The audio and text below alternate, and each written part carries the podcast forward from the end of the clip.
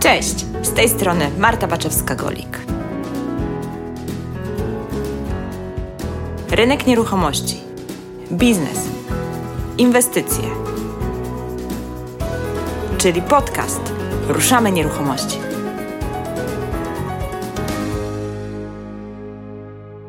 Oczywiście, że się bałam zmiany, powiedziała Maria w wywiadzie, ale strach przed tym, że utknę, że będę sfrustrowana, był zdecydowanie większy. Bo to nie o to chodzi, żeby się nie bać zmiany. Kluczem jest, żeby bać się bardziej tego, co się stanie, jeżeli nic w swoim życiu nie zmienię i zostanę w miejscu, w którym już teraz wiem, że nie chcę być.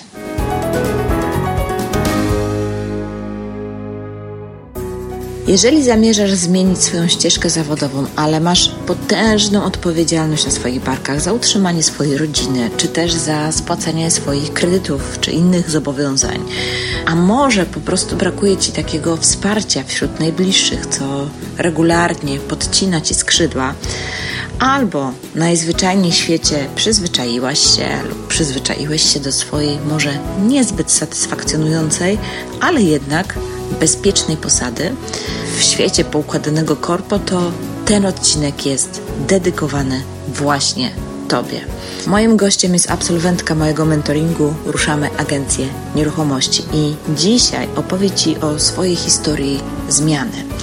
Maria Niemir-Błaszak, kiedy przyszła do mnie na mentoring, była w przysłowiowej czarnej dziurze.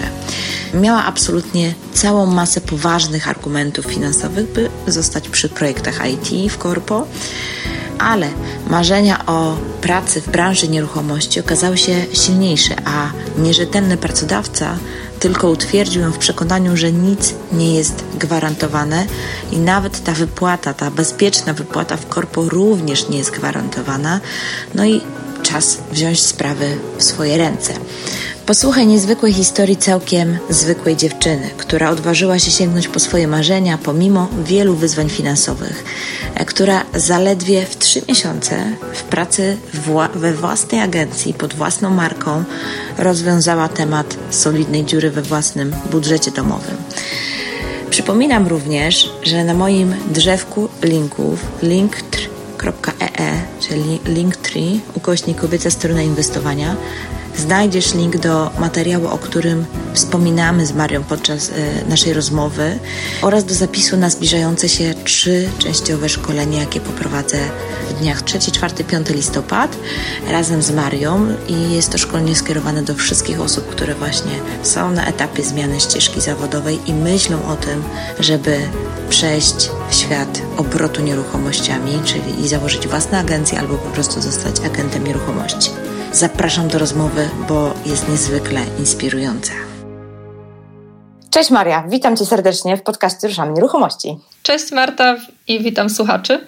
Dzisiaj moim gościem jest Maria Niemir-Błaszak i będziemy dzisiaj rozmawiać o zmianie. O zmianie z, i przejścia z, przejście z etatu do własnej działalności, do nieruchomości, ale też zmianie takiego myślenia z, z tego, jak po prostu funkcjonujemy w bezpiecznej e, przestrzeni już znanej i komfortowej e, pod kątem i, i, i finansów, i zadań, które mamy do wykonania, no i wszystkiego, bo już wiele lat gdzieś pracujemy, więc wiemy dokładnie, co z czym się je, a tu raptownie pojawia się w głowie chęć zmiany. No i teraz jak tą zmianę ogarnąć i o to chcę dzisiaj wypytać mojego gościa, dlatego że Maria, przez ile lat pracowałaś na etatach? Ojejku, y, ciężko y, zliczyć, ale no, od 2012 roku pracowałam. A w tym roku, w tym roku zaczęłam własną agencję nieruchomości. Kierunek nieruchomości, tak się nazywa.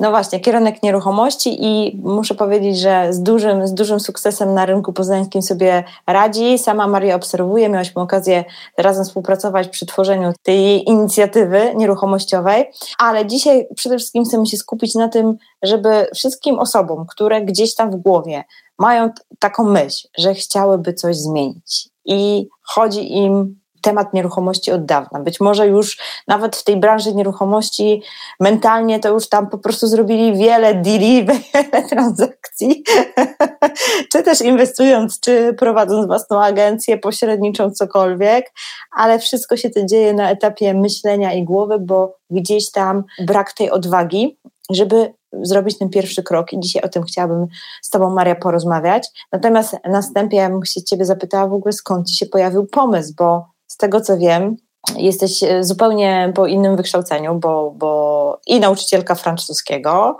i psycholog z wykształcenia, i osoba, która pracowała w, w korporacjach, w działach sprzedaży, w, w korporacjach z branży IT, w jakichś takich różnych, zupełnie wydawać by się mogło totalnie innych branżach i totalnie, i na totalnie innych posadach i raptownie pomysł nieruchomości. Skąd on Ci się wziął? Po drodze było kilka takich okruszków, które sobie pozbierałam i które skłoniły mnie do myślenia o tym, że dobrze bym się czuła w nieruchomościach, ale tak na najbardziej podstawowym poziomie była to chęć polepszania swojego wynagrodzenia.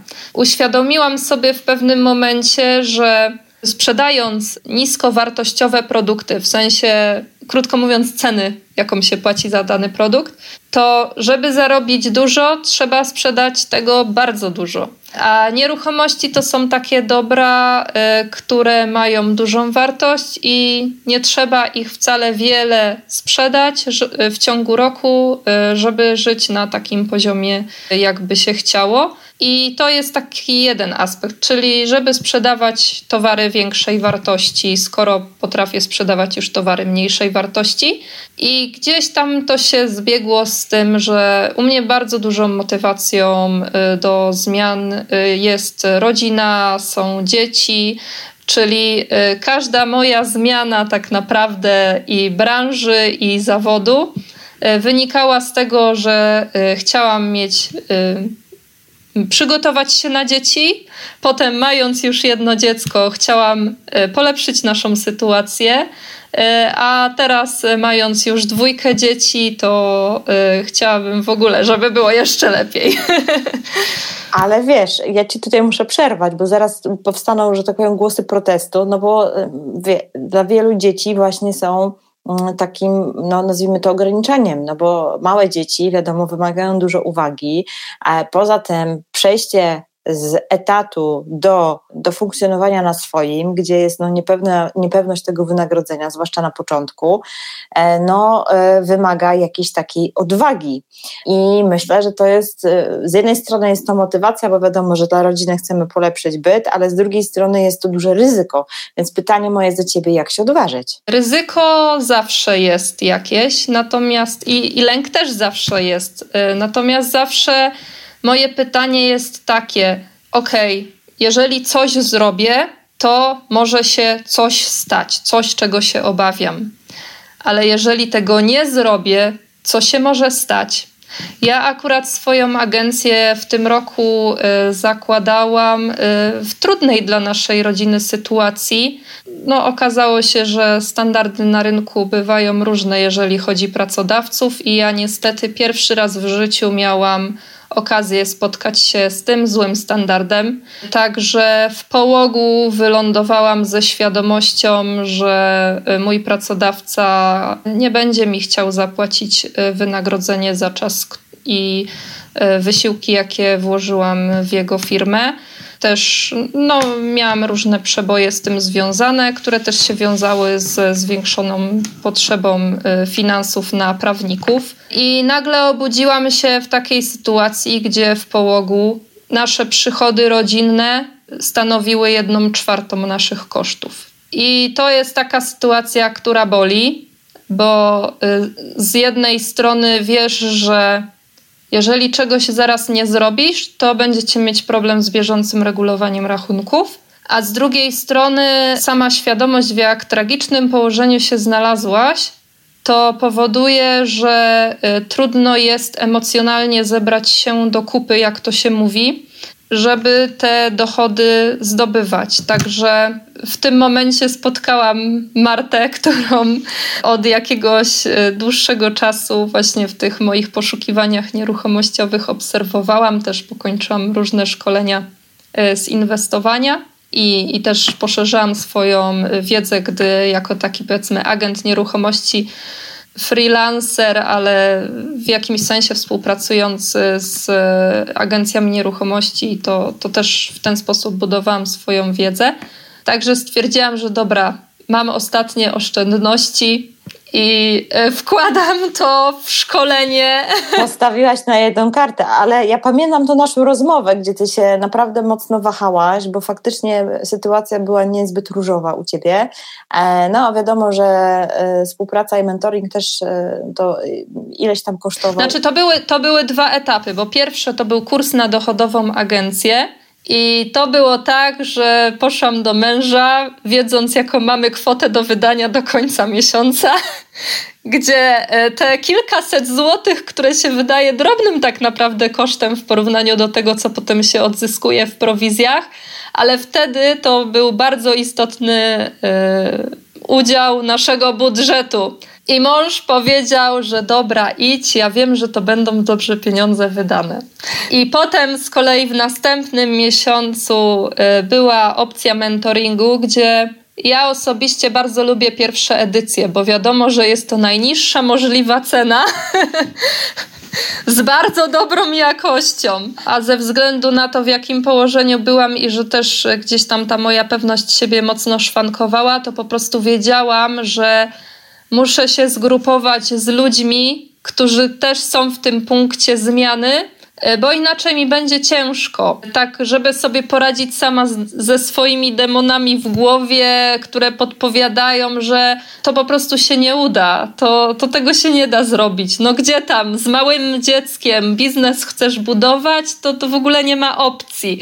A jest jak dobrze ty o tym mówisz, bo ja myślę sobie, że tu jest mnóstwo y, słuchaczy i słuchaczek, które są w podobnej sytuacji, gdzie mają tak zwany nóż na gardle, zaczyna się coś dziać i, i po prostu no, trzeba coś zrobić. Trzeba coś zrobić. Tak, trzeba coś zrobić. Ja właśnie pamiętam tą naszą rozmowę z Martą, gdzie y, ja w sytuacji wierzyciela i to w takiej fatalnej sytuacji, bo nigdy nie myślałam, że mi się coś takiego zdarzy.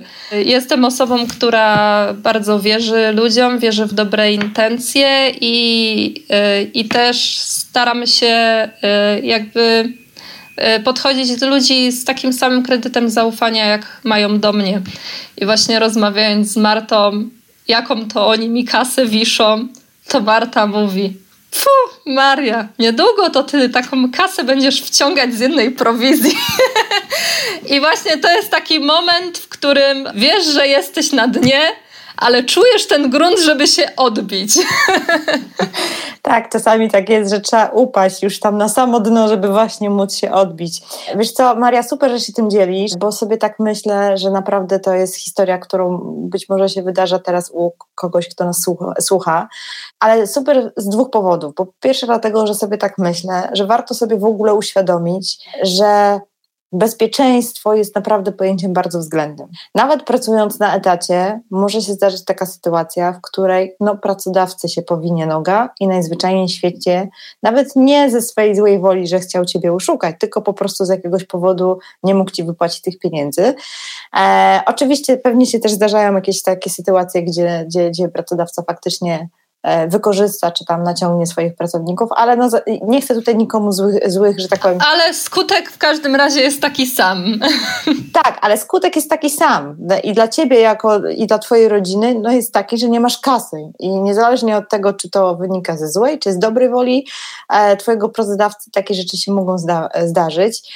Więc jeżeli sobie teraz siedzisz i sobie myślisz, że chciałabyś zmienić, albo chciałbyś zmienić coś w swoim życiu, wejść e, w branżę nieruchomości, czy to jako agent, czy to jako inwestor, inwestor, czy jakikolwiek inny, e, inna osoba, zacząć się działać, ale ogranicza ci twój własny etat i to takie złudne poczucie bezpieczeństwa, no to wiedz, że te pensje co miesiąc e, no nie są gwarantowane na zawsze.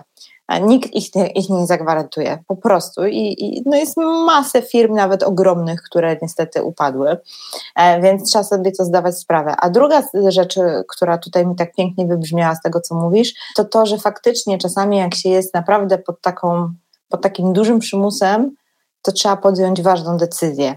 I nawet się zastanawiam, czy ten przymus często nie pomaga właśnie w podejmowaniu tej ważnej decyzji, bo jest taki moment, w którym jesteś taka, nazwijmy to, rozwalona, ale przychodzi taki moment, że ty po prostu już wiesz, że nie możesz sobie dalej pozwolić na to, żeby być rozwalonym, że trzeba po prostu coś zrobić, nie? I pójść do przodu. I fajnie, że akurat w tym momencie gdzieś tam do nas dołączyłaś i do dochodowej agencji i potem właśnie do mentoringu, bo dzięki temu mam nadzieję, że już ci się wszystko zwróciło. Tak, w pierwszej prowizji. w pierwszej prowizji, no właśnie. I trochę to dodaje wiatru żagle, prawda? Tak. Jestem znów osobą szczęś- szczęśliwie płacącą podatek dochodowy, czyli mam dochód. Cudownie. To cudowna e, wiadomość. Dobra, Maria, ale przeszłaś tę drogę właśnie z pracy w, różnych korporacjach. Powiedz mi, w jakich to było, żeby tak słuchacze wiedzieli, gdzie, co, co robiłeś.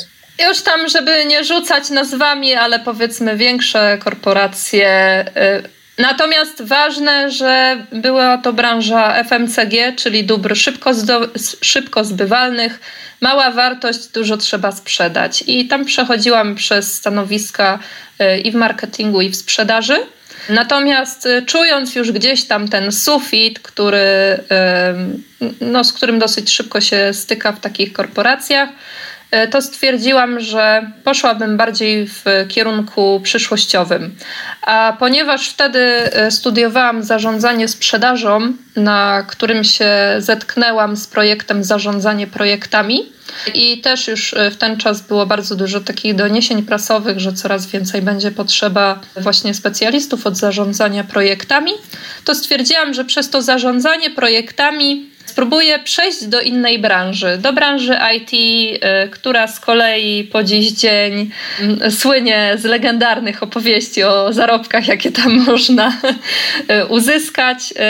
Także właśnie w ten sposób udało mi się zmienić. Ale okazuje się, tam też był sufit. Wiesz co, tam praca jest fajna, tym, że mnie już w międzyczasie zaczęły bardziej ciągnąć e, te nieruchomości i, i też zaczęłam sobie zdawać sprawę więcej z tego, jakie mam zasoby, analizować sobie, co w poszczególnych e, pracach najbardziej mi odpowiadało.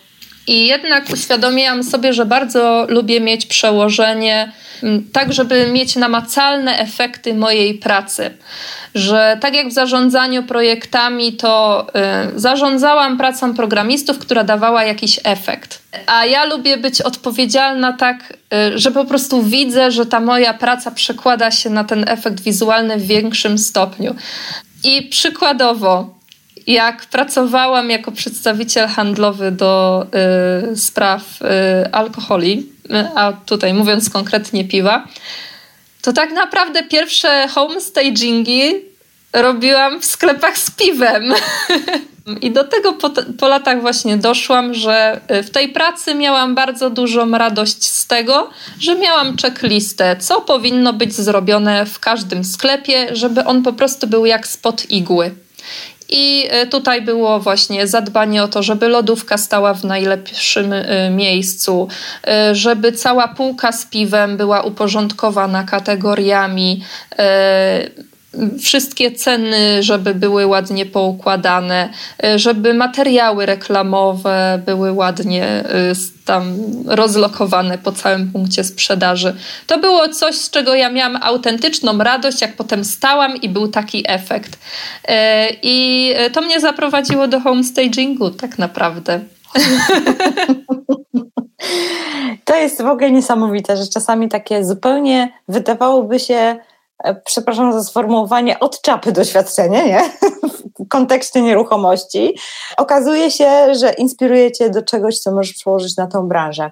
Chciałam Cię jeszcze wypytać o, tym, jak, e, o to, jak przełożyć te różne doświadczenia, natomiast jeszcze jest taki ważny aspekt, o którym myślę, trochę już może zaczęłyśmy mówić tak między słowami, ale fajnie, żeby on wybrzmiał, czyli jak się w ogóle przestawić z takiego myślenia bycia na etacie, właśnie z tego takiego myślenia od pierwszego do pierwszego do, e, do właśnie takiego myślenia przedsiębiorczego, czyli jestem kowalem swojego losu, to ja odpowiadam za to, co się wydarzy I właśnie tak się zastanawiam, jak teraz o tym mówisz. Czy to myślisz, że to jest jakaś taka cecha wrodzona, czy to jest coś, czego można się nauczyć? Jeżeli chodzi o rzeczy wrodzone, to ja tak patrząc na swoją historię, to czuję, że generalnie ta sprzedaż i przedsiębiorczość to jest coś, czym ja po prostu oddycham jak tlenem.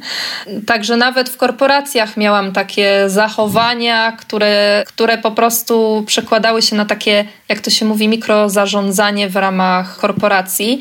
Natomiast to, co jest ważne przy przechodzeniu na działalność gospodarczą, to y, dla mnie było y, przynajmniej uświadomienie sobie, że ja najlepiej wiem, jakie mam zasoby, najlepiej wiem, do czego zmierzam, jak chcę to osiągnąć, wobec czego w żadnej firmie nie osiągnę tak spektakularnych efektów jak w swojej własnej.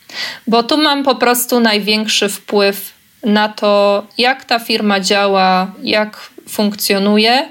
Mam największe przełożenie na jej wizerunek. Jasne.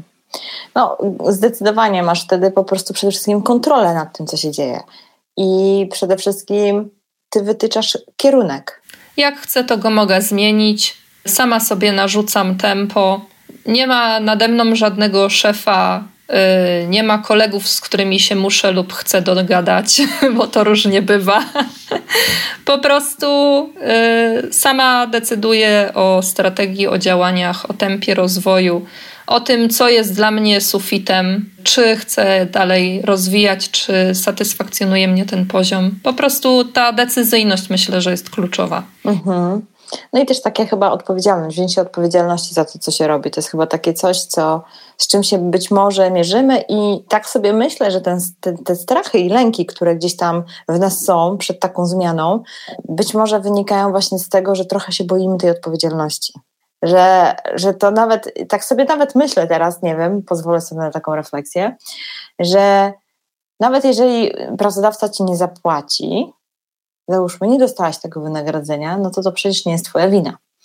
A we własnej działalności, jak nie zarobię, albo mówiąc krótko, coś schrzanie i coś nie pójdzie, no to nie ma na kogo winy zwalić. I tak sobie myślę, że to jest chyba tak, taka kluczowa rzecz, która, która gdzieś tam może blokować.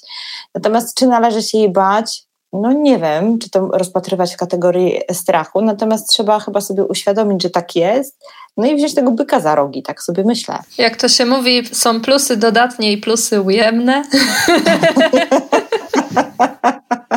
plusy dodatnie i plusy ujemne. Dobrze to powiedziałaś. Chociaż ja nie postrzegam tego jako e, plus, e, że tak powiem, ujemny.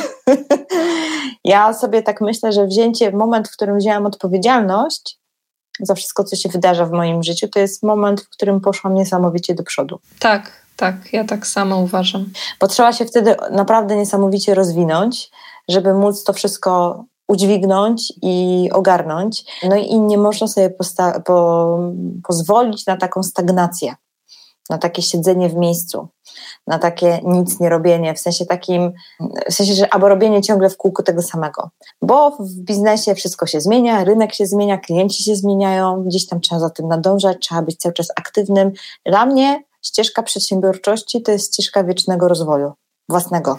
Dla mnie tak naprawdę ścieżka y, przedsiębiorczości to jest ścieżka życia i nie rozdzielam tych dwóch rzeczy, bo w ramach tego, jak rozwijam biznes, to jakby to, jak on się rozwija, wynika z tego, jak ja chcę sama się rozwijać. W zasadzie nie rozgraniczam tych rzeczy. Dla mnie w tej chwili fajnie, fajne jest to, że prowadząc biznes, to rozwijam y, biznes tak jak życie i nie ma czegoś takiego, że jest Maria w korpo i Maria w domu. Jestem po prostu Maria w życiu. I to jest też e, takie fajne, że, że mam poczucie spójności. I tego mi bardzo brakowało na przykład przez lata w korpo. Wiesz, tam zawsze takie gierki, coś, ten, tu trzeba z tym pogadać, tu mnie pogadać. Nie lubię czegoś takiego. Ale ja sobie tak myślę, że faktycznie ten brak taki, który, znaczy ja nigdy nie pracowałam w korpo, ale rozmawiam z wieloma e, osobami, no z racji tego, że gdzieś tam pomagam na tej ścieżce rozwoju wielu osobom, no to bardzo dużo osób właśnie, które gdzieś tam są przed tym etapem zmiany, no to mają te wszystkie strachy i lęki, o których mówiłyśmy przed chwilą, ale ten ich główny brak wynika z jakiegoś takiego niedosytu i tu pięknie powiedziałaś, że brak tego spełnienia, czyli takiego um, połączenia albo takiej nawet rozdwojenia trochę jaźni, nie? że jestem w pracy i jestem poza pracą, nie? czyli tak jakby były nas dwie osoby, a to ciągle jest ta sama osoba. Super to ujęłaś. Nigdy na to nie, tak nie spojrzałam, ale naprawdę myślę, że coś w tym jest. Świetnie. Maria, to teraz jakbyś tak miała popatrzeć już z pewnej perspektywy, e, z tego lotu ptaka, na tą twoją zmianę, na to, jak przeszłaś właśnie z tej korporacji do nieruchomości, na własną działalność, tworzyłaś własną agencję, w kilka miesięcy tak naprawdę odrobiłaś wszystkie swoje, e, załatwiłaś temat e, wszystkich swoich problemów finansowych. Nie wiem w sumie, jak się tam potoczyła ta twoja sprawa z tym pracodawcą, ale to nie ma znaczenia. Istotne jest to, że już dzisiaj po prostu funkcjonujesz i normalnie i, i spokojnie radzisz sobie z płaceniem rachunków i nawet zostaje nadwyżka i trzeba podatki płacić. Super. I teraz jakbyś miała tak popatrzeć z tej perspektywy na tą swoją drogę, na tą ścieżkę i e, być może na samym początku nawet robiłaś różne rzeczy, które, które niekoniecznie jakoś tam były do końca przemyślane, ale pewnie był jakiś taki moment w Twoim życiu, w którym postanowiłeś, że faktycznie e, coś trzeba z tym zrobić i gdzieś tam zaczęłaś się do tego e, przygotowywać. No i bym chciała właśnie, żebyś powiedziała, jak tutaj właśnie tym naszym słuchaczom, jak wiesz, tak nie na zasadzie, o, na hura, rzucam wszystko, w ogóle teraz będę miała nowe życie i tak dalej, bo wiemy, że to jest pewnego rodzaju proces. Więc jak ten proces u Ciebie przebiegał? E, tej właśnie zmiany? Jak Ty się przygotowywałaś do tego, żeby przejść z pracy na własną działalność. To znaczy też nie będę jakoś e, bardzo wgłębiać się w ten proces, bo e, z tego można by było zrobić cały podcast. Ale takie istotne punkty. Myślę, że kluczowe generalnie jest, żeby nie robić nic na hura, nawet jeżeli można mieć takie wrażenie z mojej historii, że po prostu jednego dnia leżąc na podłodze i płacząc, że mam problemy finansowe, stwierdziłam, że a zbuduję swoją agencję, y, to to nie jest do końca tak, bo y, ja już wtedy byłam w pewnym procesie. Ten proces polegał na wyjściu z IT do nieruchomości. I już od jakiegoś czasu równolegle realizowałam i pracę dla IT, i pracę w nieruchomościach, z tym, że wtedy były to pojedyncze zlecenia, które realizowałam we współpracy z agencją. Natomiast potem zdecydowałam, że już y, zaprzestaję tych współprac i zaczynam działać na swój rachunek. Natomiast równolegle cały czas działałam w IT. I w zasadzie dopiero od sierpnia przeszłam tylko i wyłącznie na pracę w nieruchomościach. Także to jest taki proces, który cały czas jest. Natomiast co tu jest kluczowe? Trzeba zaczynać z wizją końca. Czyli ja już w tym marcu wiedziałam, że będzie jeszcze taki czas, gdzie będzie trzeba nie dosypiać trochę po nockach, spiąć się wewnętrznie i działać, i pogodzić ze sobą i pracę dla IT, i mentoring, i właśnie działalność jako agentka.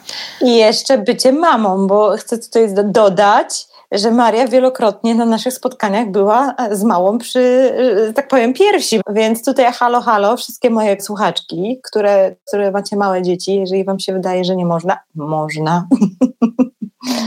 Tylko trzeba faktycznie sobie to zaplanować. I ja sobie tak nawet myślę, że um, że a w kontekście tego, co powiedziałeś, że zaczęła, za, zaczynać z wizją końca, to warto sobie pomyśleć na wstępie, dokąd ty w ogóle chcesz iść co ty chcesz osiągnąć i gdzie twoje poszczególne działania mają cię zaprowadzić.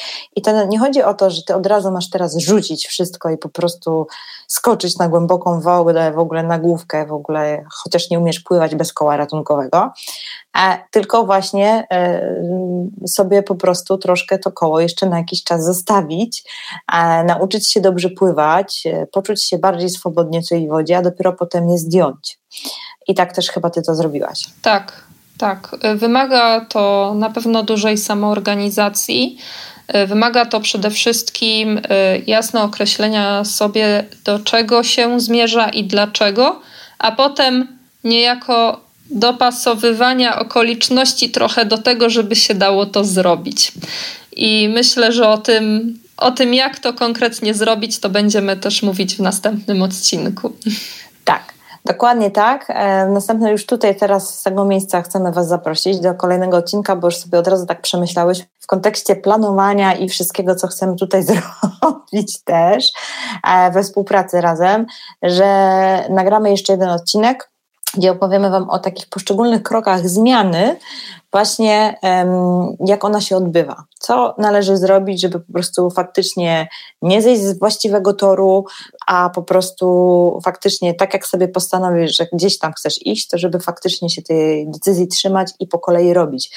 Bo moim zdaniem kluczem jest, i to jest coś, co chyba najbardziej jest zgubne dla wielu osób i chyba też stąd się później pojawiają różnego rodzaju frustracje y, na tle tym zawodowym, że e, bardzo wiele osób trochę przypadkowo działa. W sensie podejmuje różne działania, różne prace e, w sposób trochę taki przypadkowy, bym powiedziała bardziej, niż e, przemyślany. I to, ta przypadkowość bardzo często odciąga nas od tego głównego celu, do którego chcemy iść. Ale prawda jest też taka, że ta przypadkowość też nie jest przypadkowa. Bo ona się dzieje dlatego, że no nie mamy tej wizji końca.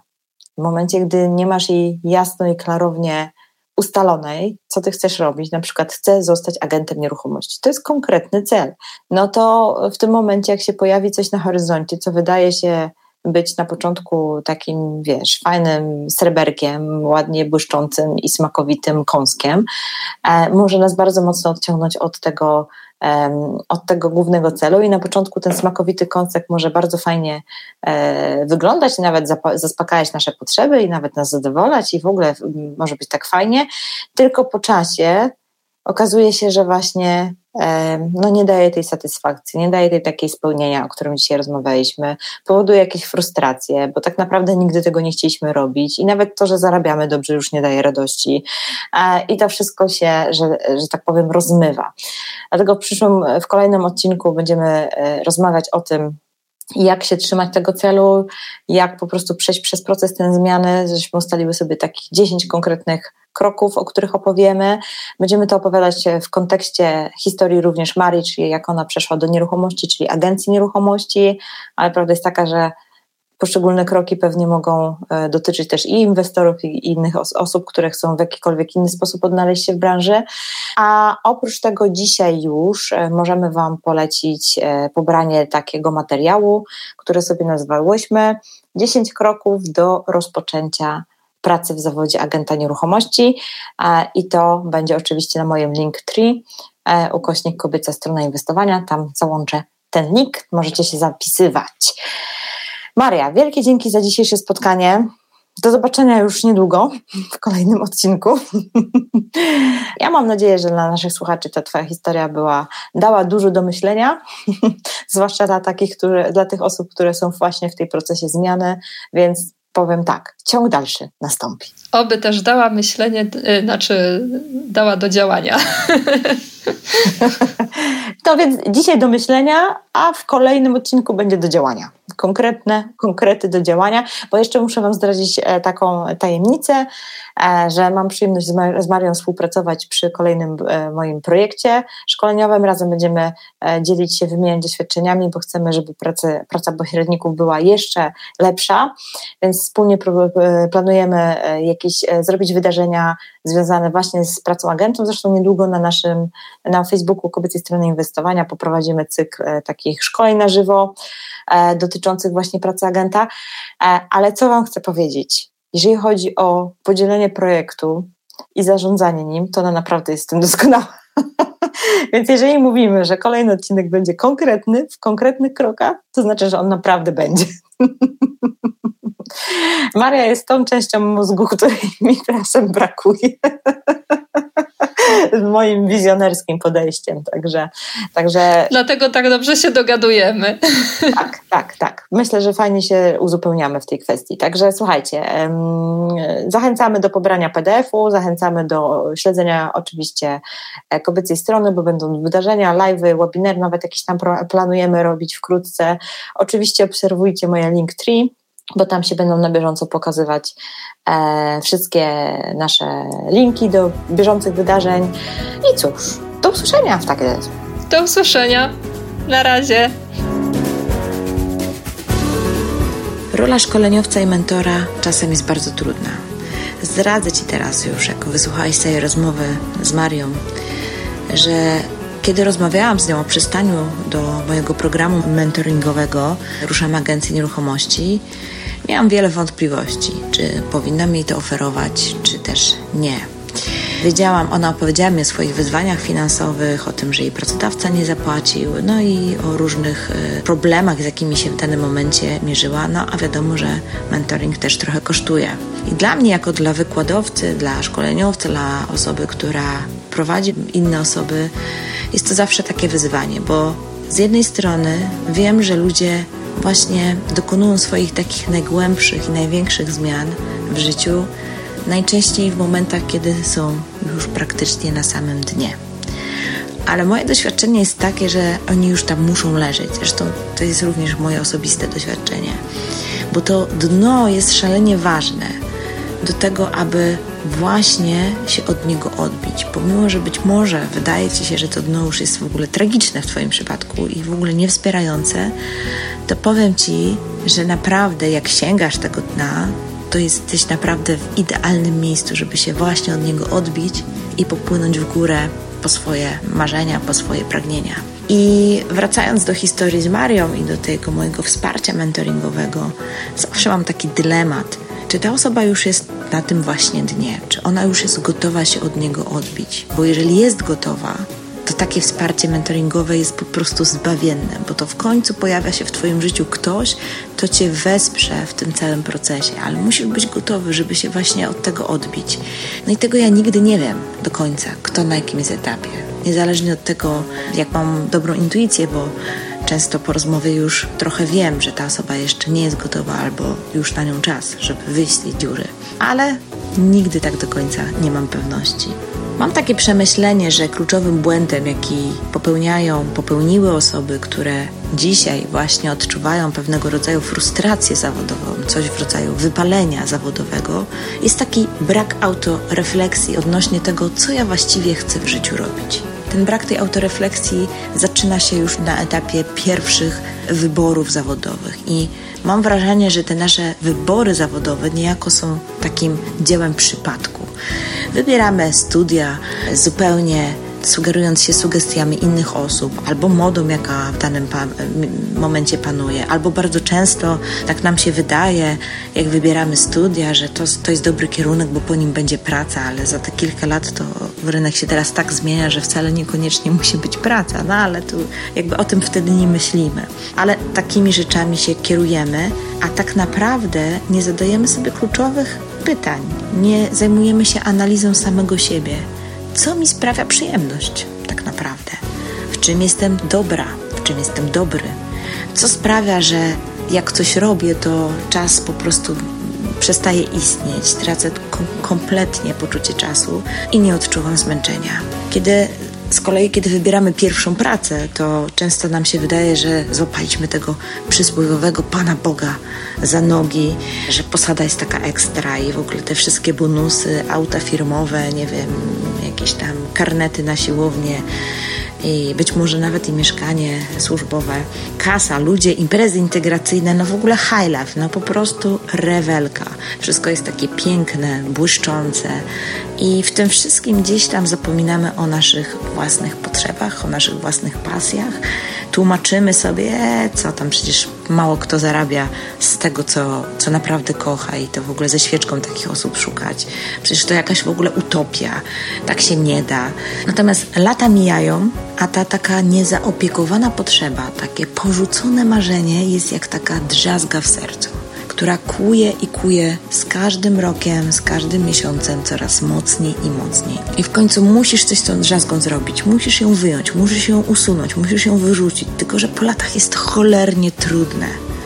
Jest to trudne, bo ona już się tam wrosła i ona już niemal stanowi ciało stałe w tym Twoim e, sercu i naprawdę nie jest łatwo ją e, wyciągnąć, natomiast musisz ją usunąć, bo ona Ci już cholernie zaczyna przeszkadzać. I powiem Ci, że Przez te moje wszystkie szkolenia, jakie prowadziłam, inwestycyjne i dla pośredników, przeszło już tysiące kobiet, no i jakiś tam mniejszy, ale również yy, znaczny procent mężczyzn.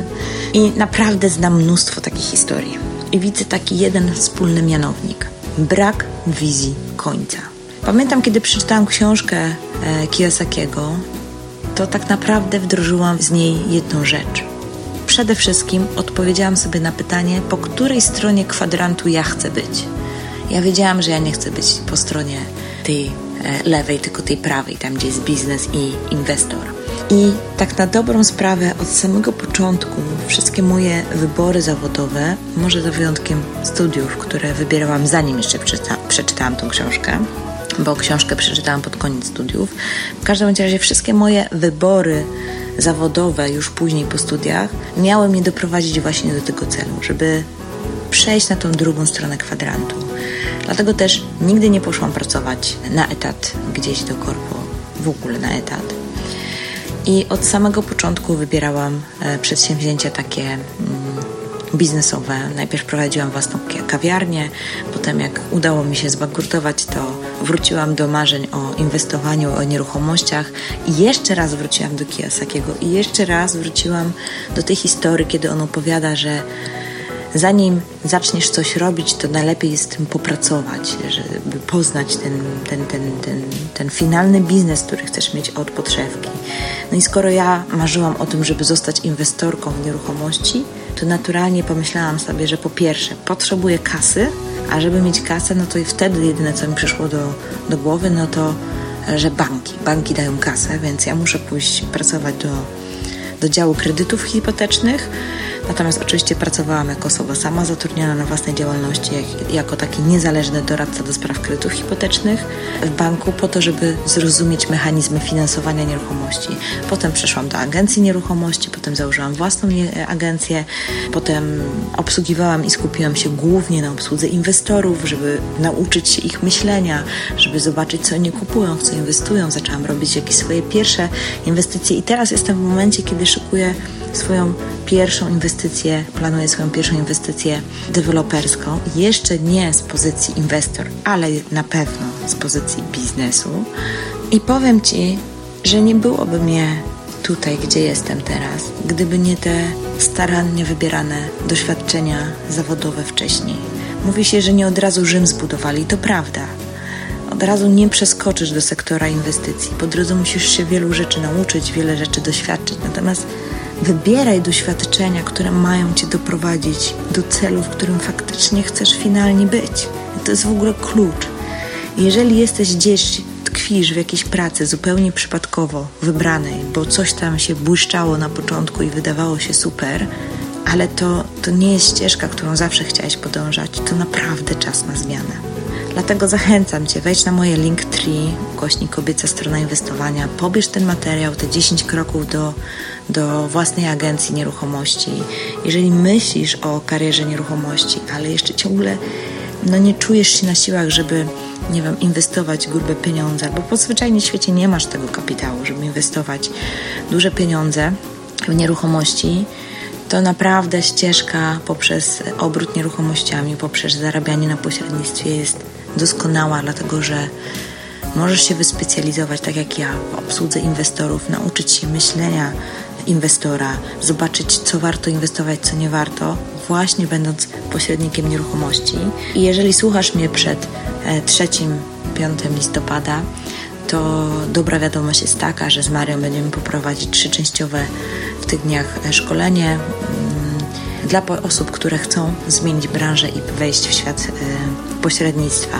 Ta rozmowa jakoś tak mnie poruszyła i mam na ten temat dużo różnych swoich przemyśleń, więc nie będę już mówić o czym jest dokładnie to szkolenie, które prowadzimy. Wszystkie szczegóły znajdziesz właśnie pod linkiem, który zamieściłam na moim drzewku linków linktr.ee ukośnik kobieca strona inwestowania. Wejdź tam, zerknij, zobacz, zapisz się, jest bezpłatne no i naprawdę trzymam kciuki za Twoją zmianę, za to, żebyś wkroczyła lub wkroczył na drogę, o której marzysz od dawna. I cóż mogę powiedzieć? Do usłyszenia niebawem. Za tydzień będzie kolejny odcinek z osobami, które z pasją realizują swoje przedsięwzięcie, a potem za dwa tygodnie będzie druga część naszego spotkania z Marią, gdzie dokładnie będziemy omawiać te 10 kroków, które już teraz właściwie możesz sobie pobrać, a później posłuchać naszą interpretację tych poszczególnych zadań w kolejnym odcinku. Ściskam Cię mocno, życzę powodzenia i niezależnie w którym miejscu jesteś, być może gdzieś tam właśnie sięgasz tego dna, a może wcale nie. W każdym bądź razie wiedz, że naprawdę zmiana jest jedyną stałą rzeczą w życiu. Nie ma sensu się jej bać. Należy się bać tego, czego nie zrobisz, czyli tego, co cię ominie, jeżeli tej zmiany nie dokonasz w swoim życiu. I z tym przesłaniem zostawiam cię. Do usłyszenia.